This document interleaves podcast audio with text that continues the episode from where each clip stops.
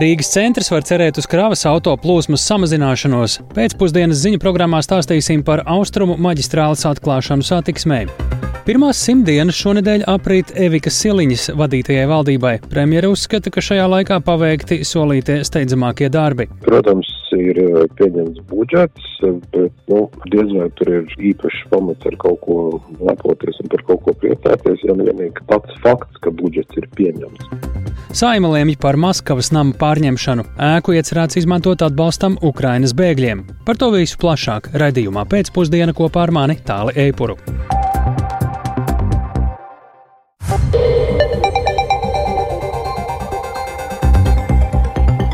Pūkstens rāda 16,5 minūtes, skan pēcpusdienas ziņu programma, skaidrojot šodienas svarīgus notikumus. Studijā tālāk Eipors. Labdien! Šodien satiksmē atklāta ilgi gaidītā austrumu maģistrāla Rīgā. Tā ļaušot atvieglot autobraucējiem ceļu uz purciemu, pļauniekiem, dārzciemu un teiku, neiebraucot Rīgas centrā. Ņemot vērā būvmateriālu sadārdzinājumu, šo objektu atklāja nevis jūnijā, kā bija plānots, bet šodien. Stāsta Baiva Kušķa. Labrīt visiem! Šodien tiešām ir svētku diena. Rīgai pirmo reizi tās vēsturē būs centra apceļš. Priekšpusdienā, kad saule vēl nav pagūsi izkausēt naktī uzkritušo sniegu un rīta leduskārtu, pie austrumu maģistrāles pulcējas Rīgas domas un būvuzņēmumu tilts un ACB pārstāvji, lai atklātu aizvadītās desmitgades lielāko projektu Rīgā austrumu pārvadu. Neskatoties uz zemo gaisa temperatūru, visi viens otru apsveic ar šī darba posma noslēgumu. Jaunas būvētais ceļš ir gandrīz 3 km garš, tas galvenokārt izbūvēts, lai atvieglotu Rīgas centru no kravas mašīnām. Klātesošajiem, kas nepacietīgi mīņājas gaidot atklāšanu, pievienojas arī kāda vietējā iedzīvotāja. To tiltu uzbūvēja, bet tur tā apakša tā tilta augstums nav tik liels, ļoti daudz mašīnas iestrēga. Viņi iebrauc, iestrēgs, un pēc tam viss ielas stoperis, kamēr viņi dabūnā. A tagad viņi varēs griezt uz rīņķu un braukt pie lieliem šita pāri rībēdām. Es man jau maz dēls teica, vai tu jau nepāršāvi pāri jaunajam tiltam, bet te jau reiz nemaz nav trotuāru priekš cilvēkiem. Jāstaigā būs pa leju, bet tagad nu, jābrauc būs ar autobusu apskatīties kas tur tālāk ir. Atklāšanas ceremonijas dalībniekiem bija sarūpēta iespēja veikt pirmo braucienu pa jauno austrumu maģistrāli tikpat jaunā elektriskajā autobusā. Tā spilgta zaļais krāsojums esot apliecinājums jaunajai Rīgas zaļajai pasažieru pārvadājumu politikai. Jā, jā, jā, jā, labākā vieta. Nenoliedzami projekta īstenošanas laikā būvnieki saskārās ar dažādām problēmām. Krievijas iebrukums Ukrainā sadārdzināja un kavēja materiālu iepirkšanu. Rīgas domas ārtelpas un mobilitātes departamenta direktora amata pienākumu izpildītājs Jānis Vaivots pie sarežģījumiem min arī negaidītus atklājumus zemes pamata stāvoklī. Lai arī blakus urbumā un varbūt tur trīs metrus tālāk atrokot, viss bija labi, nu tad kaut kādā posmā uz priekšu bija pamatīga dūņu kārta, kas bija jāmaina nost šī projekta realizācijā. Maģistrāls tūmā dzīvojošie rīdzinieki ikdienā šo maršrutu izmanto, lai dotos uz darbu vai skolu. Šis ceļš nav piemērots tiem, kuri pārvietošanās nolūkos izmanto velosipēdus. Protams, mēs saņēmām arī pārmetumus par no atsevišķām grupām, ka varbūt nav padomāts teiksim, par to pašu velo infrastruktūru, bet jāatcerās, ka primāri šis objekts ir vērsts uz kravas transporta novirzīšanu. Un, teiksim, tām sabiedrības grupām ir jāmeklē citās vietās šos savienojumus. Atklāšanā piedalījās ceļu būves uzņēmuma Sijā tilts atbildīgais darbu vadītājs un valdes loceklis Arķoms Gridņevs, kurš vadīja darbus maģistrāles projekta īstenošanā. Protams, būvniecības grūtības dēļ tā, ka tas ir ļoti, ļoti iedzīvota vieta. Šeit bija daudz komunikācijas, daudz iedzīvotāju, daudz mājas un tā. Un mēs visu laiku cenšamies būvēt šādi, lai netraucētu vietas iedzīvotājus, lai viņiem pēc iespējas vieglāk to pārdzīvot, to visu būvniecību. Jau drīz pēc maģistrāles atklāšanas pat to varēja sākt braukt automašīnas. Šo brīdi ar zināmu nepacietību gaidīja kāds vīrietis, kurš dzīvo netālu no jaunas būvētā ceļa. Pārmaiņas jūt, ka ieviešas. Tad es atnācu apskatīties, kad pirmā automašīna tiks. Jūs arī ar auto braucat? Braucu arī. Nu, vajadzēs, vajadzēs braukt pie mazbērniem uz um, baložiem. Tā jau man te faktiski tuvākais ceļš būs uzreiz bez nekādiem līkumiem. Izmēģinās, jā. Jaunais pārvads atrisinās daudz problēmu Rīgas satiksmē, taču ne visas, un par to tā atklāšanas brīdī liecināja nenokaisītā ledus kārta uz svaigā asfalta. Sižetu veidoja Anna Apīne un Monta Bērziņa speciāli Latvijas radio. Maskavas namu Rīgā Marijas ielā pārņems valsts īpašumā un šo ēku izmantos palīdzības sniegšanai Ukrainai. Tāpēc neilgām debatēm konceptuāli lēmuši saimas, lēmuši saimas deputāti, un neparedzot arī lielus labojumus, likumu galīgajā lasījumā ir paredzēts pieņemt janvārī. Pārņemot ēku valstī būs jāuzņemas arī tās uzturēšanas saistības. Ēku paredzēts izmantot atbalstam Ukraiņu bēgļiem, bet kā tieši tas vēl nav zināms. Bet turpināsim mēs ar jautājumu Jānim Kincim kolēģim. Tātad Pavisam nesen Saimnes aizsardzības komisija jau vērtēja šo soli valstī pārņemt Maskavas namu. Kā tad šobrīd izskatās, vai to varēs izdarīt eh, raiti un bez aizķeršanās? Jā, šīs iniciatīvas būtība ir lasāma jau likumprojekta nosaukumā par rīcību ar nekustamo īpašumu, kas nepieciešama valsts drošības apdraudējuma novēršanai. Un šim likumam ir arī sagatavota preambula vai tāds kā skaidrojošs priekšvārds, kurā ir pamatots, ka tās augtais Maskavas nams jau kopš dibināšanas ir izmantots kā atbalsta punkts dažādiem Krievijas īstenotiem un pret Latvijas interesēm vērstiem pasākumiem. Un valsts uzdevums ir rīkoties, un uh, šādas iespējas šobrīd ir. Un šo domu debatēs par likumprojektu steidzamību uzsvēra arī deputāts no Saimnes aizsardzības komisijas un Nacionālās drošības komisijas vadītājs Ainārs Latkovskis no Jaunās vienotības. Likuma mērķis ir valsts drošības apdraudējuma novēršana. Tas ir pašaizsargājošs demokrātijas principa pieļaujama rīcība.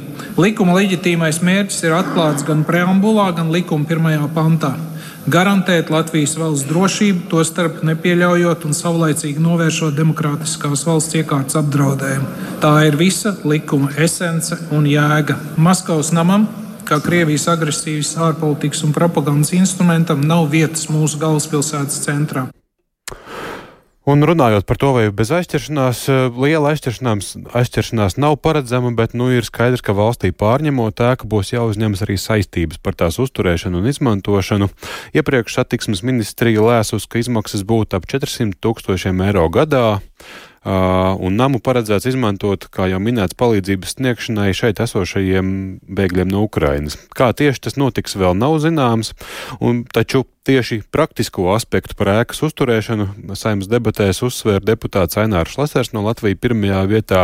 Viņš norādīja, ka Rīgas centrā jau pašlaik ir daudz citu pilnvērtīgi neizmantotu namu, tajā skaitā, piemēram, stūra mājas tabu un brīvības ielas stūrī.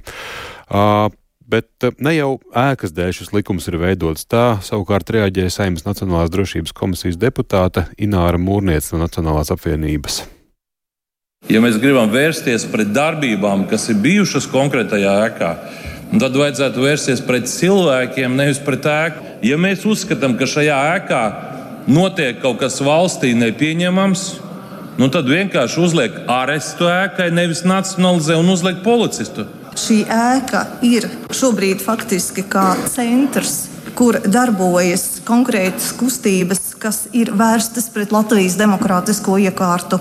Un eh, zinu, ka Nacionālā drošības komisija par šo jautājumu ir debatējusi daudz dziļāk, un ne visi aspekti šeit ir stāstāmi no tribīnas. Un pēc šīm eh, neilgajām debatēm eh, balsojumā pirmajā lasījumā šo likumprojektu atbalstīja 73 deputāti, bet pret bija pārstāvi no stabilitātē frakcijas. Savukārt Latvija pirmajā vietā, Ainārs Lesar ieskaitot, un vēl daži citi deputāti balsojumā nepiedalījās. Un gala lēmums šajā jautājumā ir sagaidāms janvārī, jau pirmajā sēdē pēc gadumijas pārtraukuma, un nav sagaidāms, ka likuma tekstā būs kādas būtiskas izmaiņas, taču daži praktiski aspekti gan vēl būs noskaidrojami, piemēram, par dažu desmit tūkstošu lieliem nodokļu, eiro lieliem nodokļu parādiem saistībā ar ēkas līdzinējo uzturēšanu. Un arī par to jau iepriekš tika runāts debatēs Saimnes aizsardzības komisijas sēdē, taču toreiz šajā sarunā nepiedalījās pārstāvi no satiksmes ministrijas, kura būs kā valsts pārstāvis, tātad, kas pārņems šīs ēkas uzturēšanu, jo zem zem ēkas ir satiksmes ministrijas īpašumā, un tas būs kopīgs tātad vienums, kopīgs īpašums. Lūk tā. Paldies, tā Jānis Kīns par Maskavas namu, un lai arī tikko dzirdējām, ka to iecerēts izmantot atbalstam Ukrainai, tā skaitā Ukrainas bēgļiem, jāsacina, ka uzreiz tas nenotiks, jo par to arī mūsu nākamais stāsts. No paša Rīgas centra uz pašu Rīgas nomali. Pēc jaunā gada Rīgas atbalsta centrs Ukraiņas iedzīvotājiem atradīsies nevis Vecrīgā un nevis arī Maskavas namā, par ko vēl ir lemj, bet Juglā. Pāles ielā 9.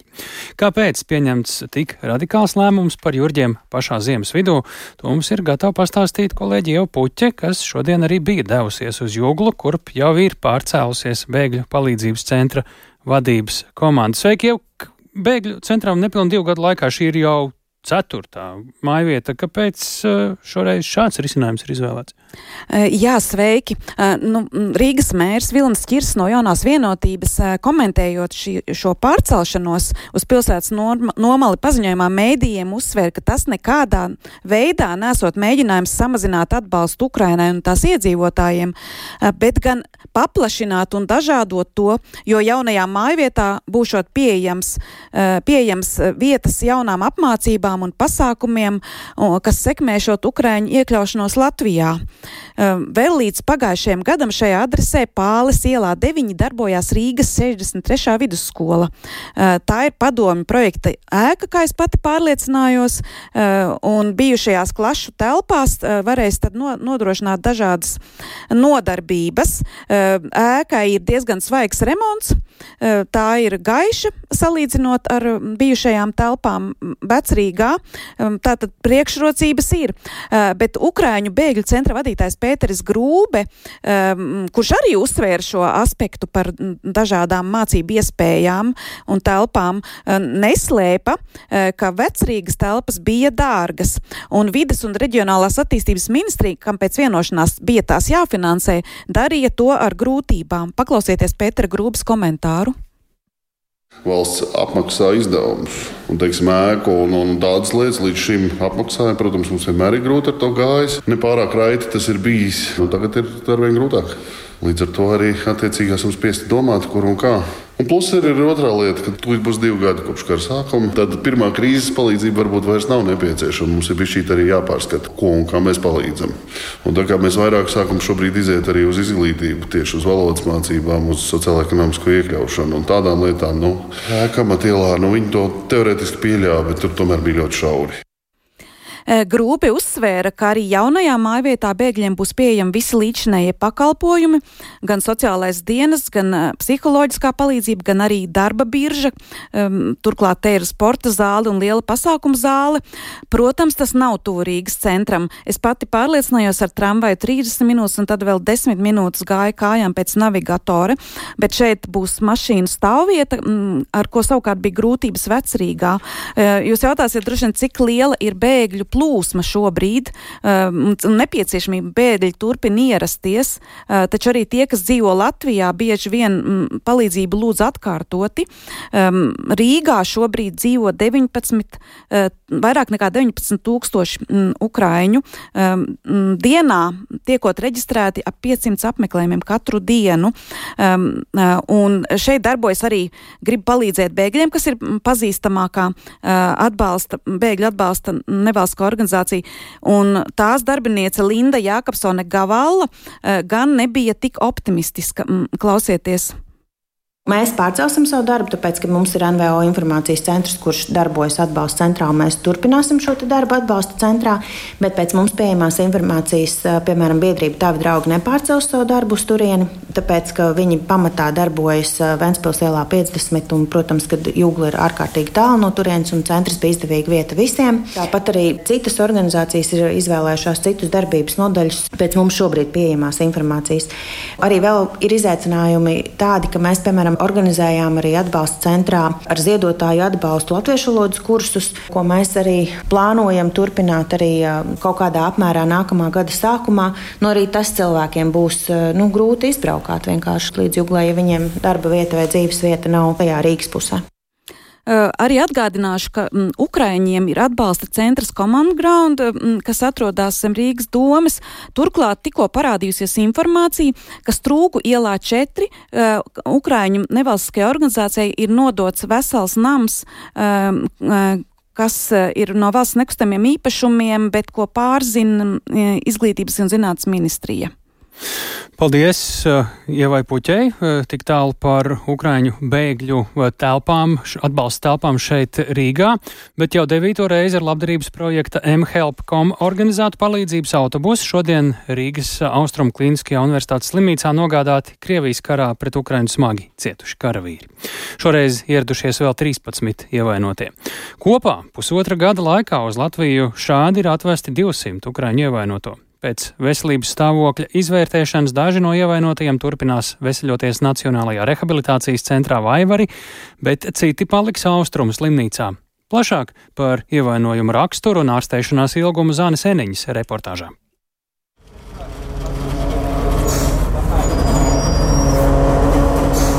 Pie Rīgas Austrumu Kliniskās Universitātes slimnīcas piebrauc divstāvīgs pasažieru autobuss ar Ukrainas numurzīmēm. Tas pielāgots pacientu pārvadāšanai, bet slimnīcā jau sagatavota rinda gultu, nestuves un riteņkrēsli. Gatavi uzņemt jaunos pacientus ir vairāki ārsti un palīgi personāls. No autobusa pa vienam sāk kāpt ārā ievainotie ukraiņu karavīri. Tie, kuri var paiet vai pārvietojas ar kruķiem, slimnīcā lēnām ieiet paši, bet smagāk cietušos ieved riteņgultās. Kāds bija ceļš, jautāja vienam no šoferiem, kurš nosauca savu vārdu - Saša.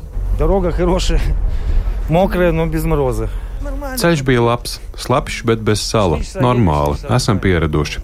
Četras stundas braucam, četras atpūšamies, kā pienākas. Pārnakšņosim šeit, un nē, tagad vēl cilvēks uz jūrmala vedīsim, tur pārnakšņosim. Savāksim tos, kur jau ir izveseļojušies, un vedīsim mājās. Kā ievainotie izturējuši garo ceļu? To jautāju garajā pārbraucienā viņus pavadījušajai Ukraiņu ārstei Olgai Rezakai.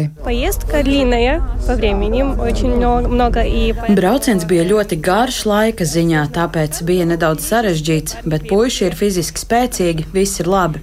Ievainojumi viņiem ir dažādi. Ir gan amputācijas, gan ievainojumi no šķembām, galvas smadzeņu traumas, bet tagad viņi ir labā stāvoklī, tāpēc braucienu izturēja. Ievainotie nenonāk Latvijā taisnā ceļā no frontes.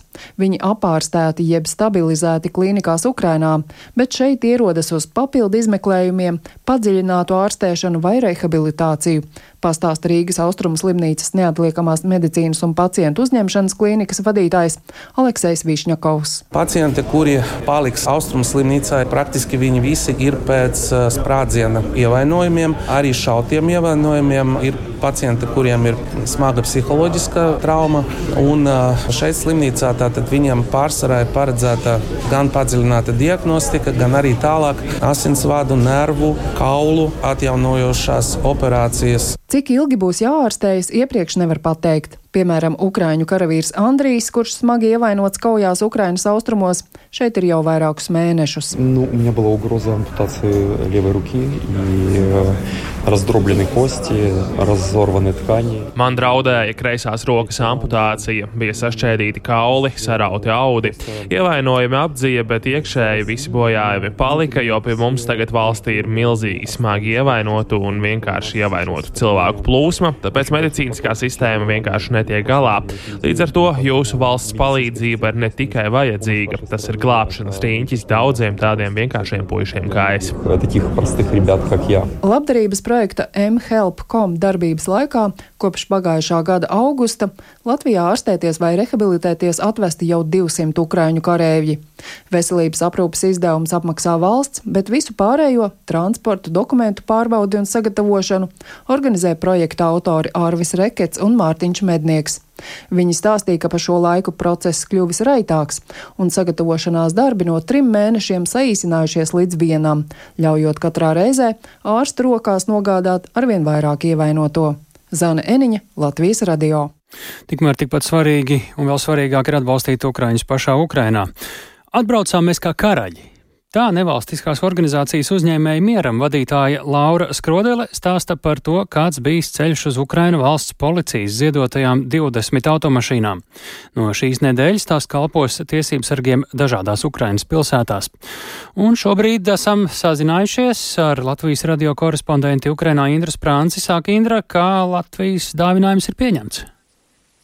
Labdien! Jā, aizvakar vakarā Vinnicā, Ukrainas vidienē notika ļoti sirsnīga kopā, kopā sanākšana dažādu pilsētu tiesību sargiem, kas pārstāv Ukraiņa aizsardzības ministriju, Nacionālo gvardu un policiju, kā arī Latvijas policistiem, kas brīvprātīgi bija pieteikušies doties tālajā ceļā uz Ukrainu, lai nogādātu šeit gan valsts policijas Ukraiņiem uzdāvinātās automašīnas, gan arī policistu sagādātās dāvaniņas bērniem un citu palīdzību, tajā skaitā dronus. Un visu šo palīdzību Ukraiņiem koordinēja organizācija organizācija uzņēmēja mieram, un man arī vakar vakarā šeit Kīvā bija iespēja aprunāties ar organizācijas direktoru Lauru Skrodeli.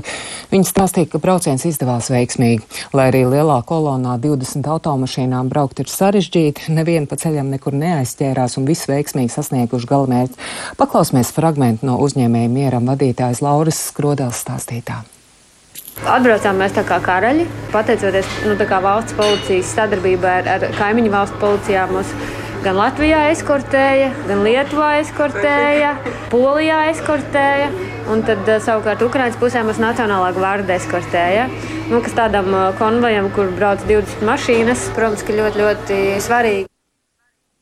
Jā, un daļa no valsts policijas uzdāvinātajām automašīnām šonadēļ nonāks Donetskas apgabala Pokrovskas pilsētiņas policijas iecirknī. Tur novembrī izskaņā Krievijas uzbrukuma rezultātā policijas iecirknis zaudēja visas savas automašīnas, savukārt pārējās nonāks citās Ukrainas pilsētās, tajā skaitā arī pie karavīriem tāli. Indra, kādā veidā vēl Latvijas uzņēmēji palīdz Ukrainai bez eh, šīm policijas automašīnām?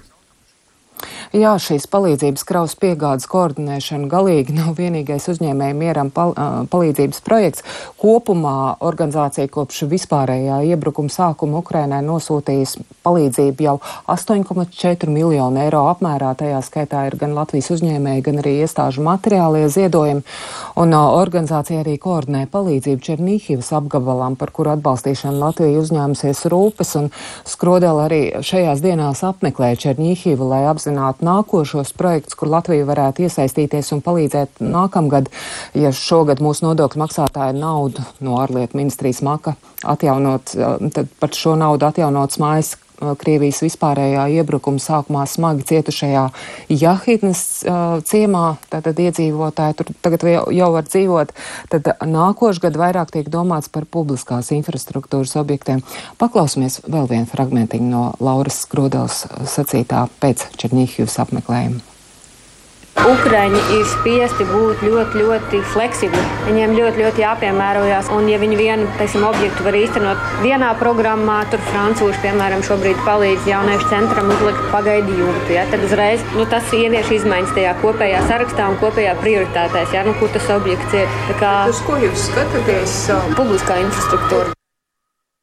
Jā, un pagaidām vēl nav izšķiršanās, kuros tieši publiskās infrastruktūras objektos nākamgad Latvija varētu ieguldīt savu finansiālo atbalstu.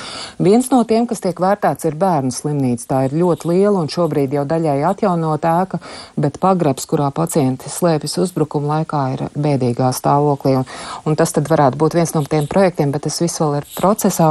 Un tāpat darbs turpinās pie, pie vēl vienas ļoti nozīmīgas uzņēmēja mieram iniciatīvas. Tā ir parakstu vākšana platformā man, Mana balss LV par to, lai saima apturētu Latvijas iedzīvotāju un uzņēmēju naudas nonākšanu agresoru valstī.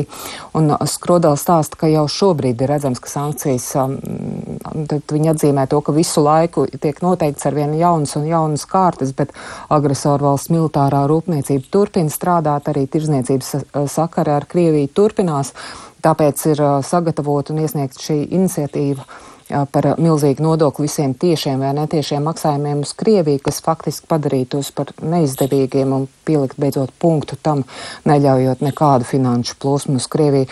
Paklausīsimies fragmentu no uzņēmēja mieram vadītājas sacītā par šo.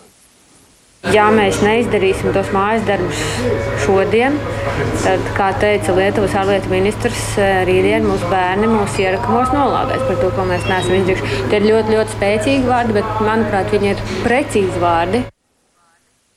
Jā, viņi arī iezīmē, ka Latvijai būtu jāmācās no pagātnes kļūdām un jādara viss iespējamais, lai pārtrauktu šo sadarbību ar agresoru valsti, jo vienu dienu tas viss var pavērsties arī pret Latviju. Un šodien šai uzņēmēju mieram iniciatīvai es apskatījos platformā, mana balss ir parakstījušies jau vairāk kā 8000 cilvēki, un um, uzņēmēji cer ka tiks, um, ka viņu ierosinājums tiks sadzirdēts saimā. Tālāk. Paldies! Paldies Indrai Sprancei, tik tālu par notikumiem un aktivitātēm, kas saistīti ar Ukrainu, bet Polijā jaunā valdība atlaiž televīzijas, radio un preses aģentūras vadību, bet uh, Latvijas U20 hokeistiem pēdējā pārbaudas spēle pirms pasaules čempionāta. Šie un citi temati raidījumā pēcpusdiena tuvākajās minūtēs.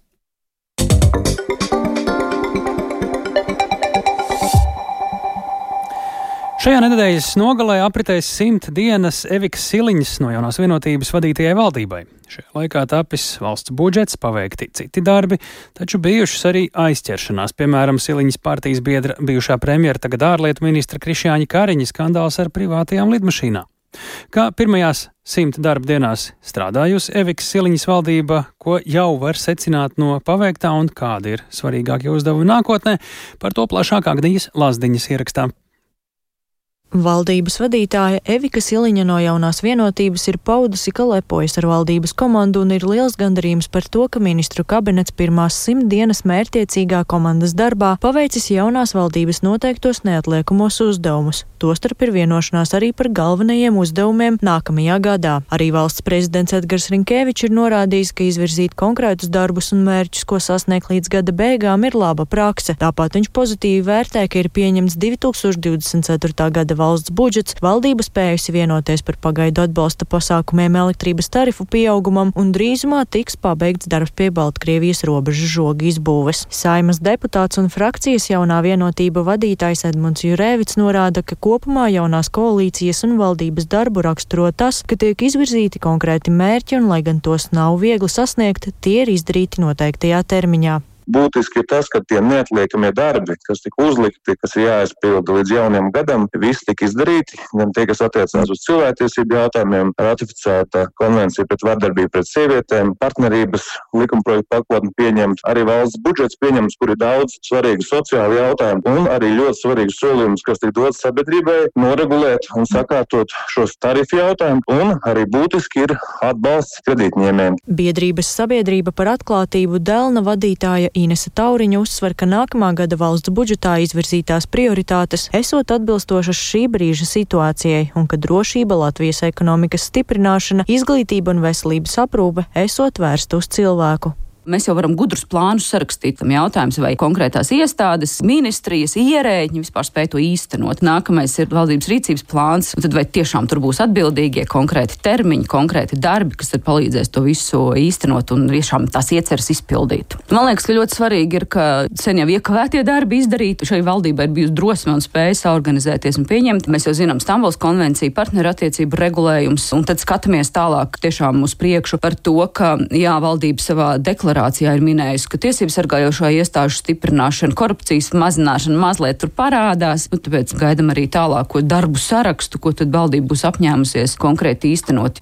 Savukārt politologs un Latvijas Universitātes sociālo zinātņu fakultātes dekāns Jānis Ikstens stāsta, ka Siliņas valdībai ir izdevies pieņemt dažus likumprojektus, kas ir neviennozīmīgi vērtēti sabiedrībā, tostarp arī koalīcijas iekšēnē radījuši domu dažādību, kā piemēram Stambulas konvencija vai partnerības regulējums, un kas esot būtiski, normatīvi akti pieņemti saturot kopā valdošo koalīciju, ko varot atzinīgi vērtēt no politikas vadīšanas viedokļa, tā norāda Ikstens. Protams, ir eh, pieņemts budžets, bet nu, diez vai tur ir īpašs pamats ar kaut ko lepoties un par kaut ko priecāties, ja vienīgi pats fakts, ka budžets ir pieņemts. Jo šajā budžetā ir eh, liels uzsvars uz, eh, tā varētu teikt, tērēšanu, bet es neredzu sajūtu, ka tiek ieguldīts pietiekami daudz līdzekļu arī attīstībā.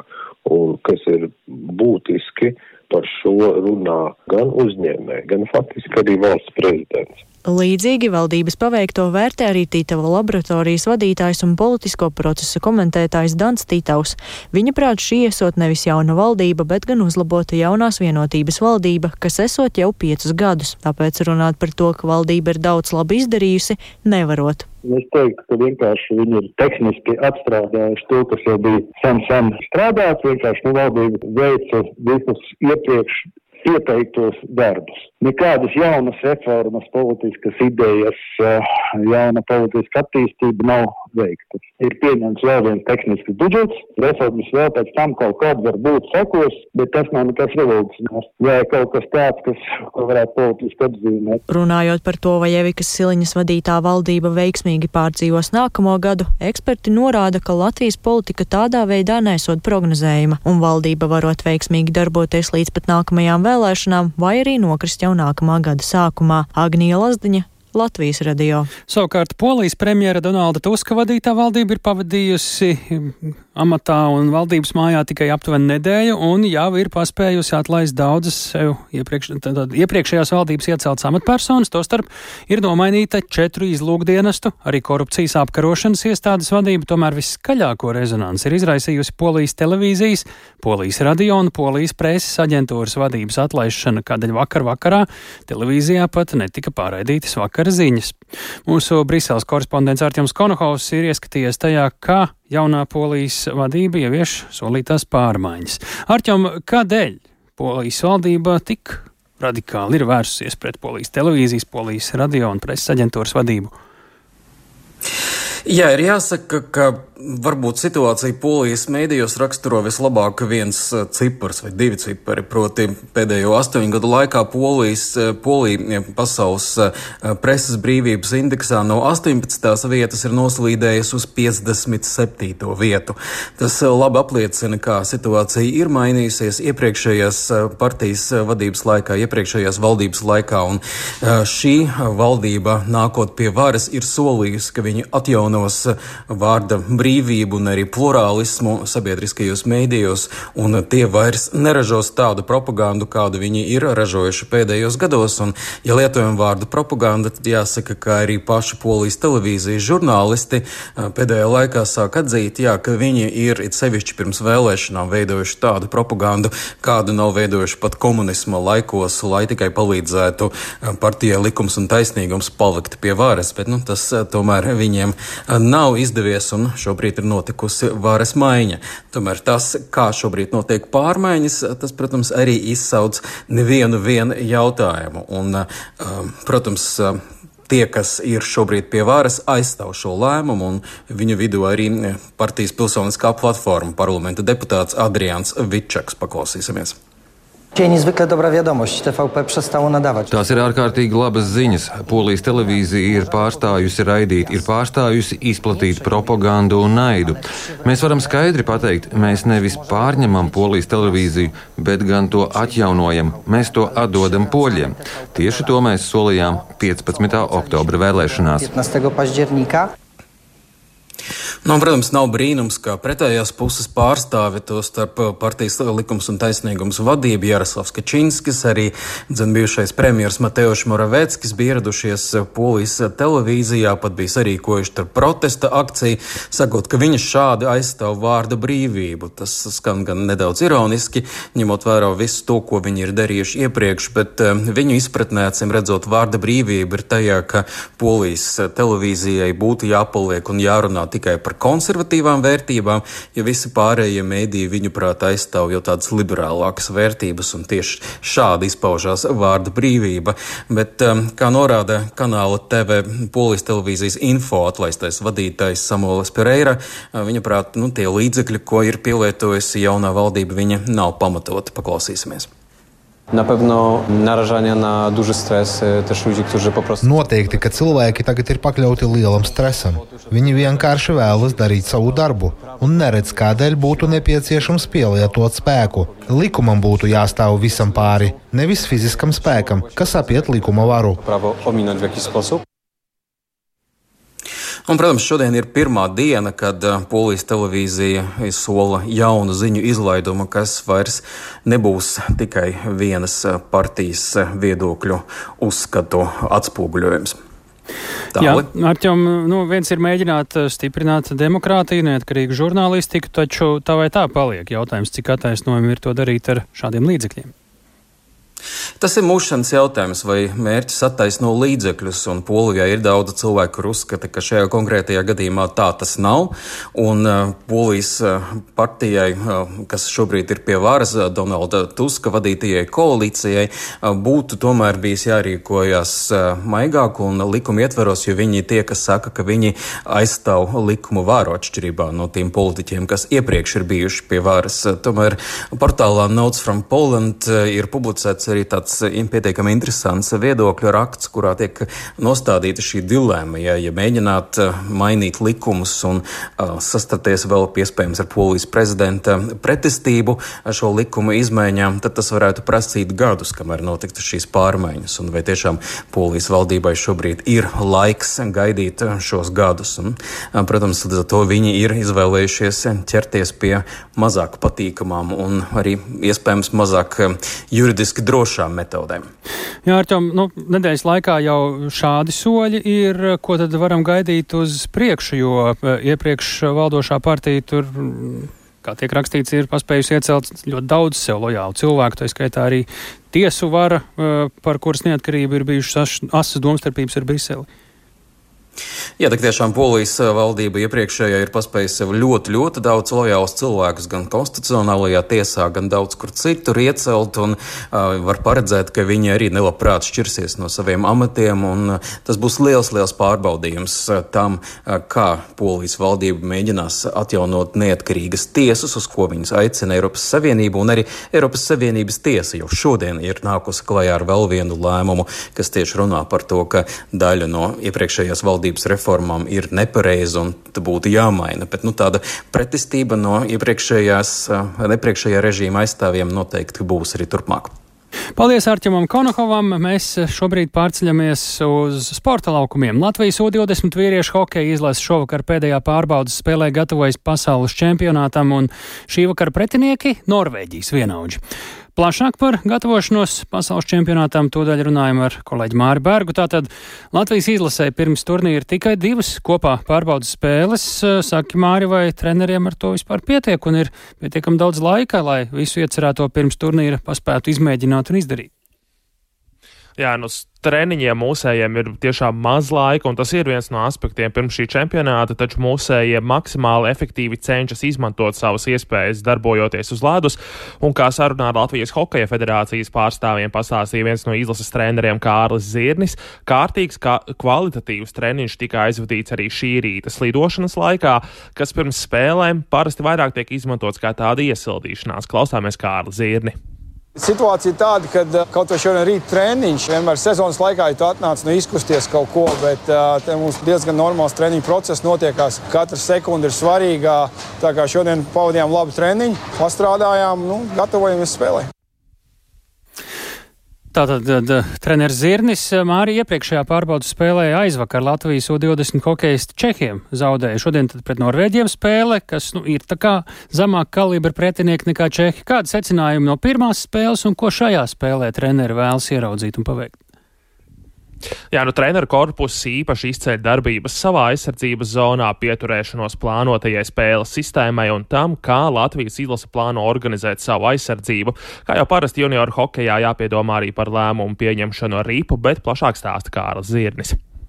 Nu, gribētu, lai ir zelīts sniegums, lai prasām tās lietas, nu, teiksim, sistemātiskas lietas, ko mēs prasām no spēlētājiem, lai viņi izpilda un mācāmies no savām kļūdām, ko mēs pieļāvām pret uh, Čehijas valsts vienību un virzamies tālāk. Uh, nu, dažos vārdos vienkārši koncentrācija, ja uz sekundi, divu pazud koncentrāciju. Un, uh, kā saka, mūs sodīja par to. Bet uh, pa lielam nospēlējām zelītu spēli. 60 minūtes bijām cīņā, parādījām ar raksturu, ka nesalūzām pie rezultātu 1-4. Atspēlējāmies un bija arī momenti izlīdzināt rezultātu. Tā kā esam priecīgi par to. Kā es saku, nu, mācāmies no savām kļūdām un spēlējam vakarā. Jā, nu tāda lūk uzstādījuma šī vakara pārbaudas spēlē pret Norvēģiju, kas Latvijas U20 hokeistiem ir pēdējā sagatavošanās pirms pasaules čempionāta. Tāli. Uh, nu jā, ar kurām valstīm mums šoreiz vispirms ir jāspēkojas un kad tad turnīrs sāksies? Ar pasaules čempionātu sāksies 26. decembrī, un mūsējiem 28. decembra vakarā jāspēlē pret mājiniekiem Zviedriju.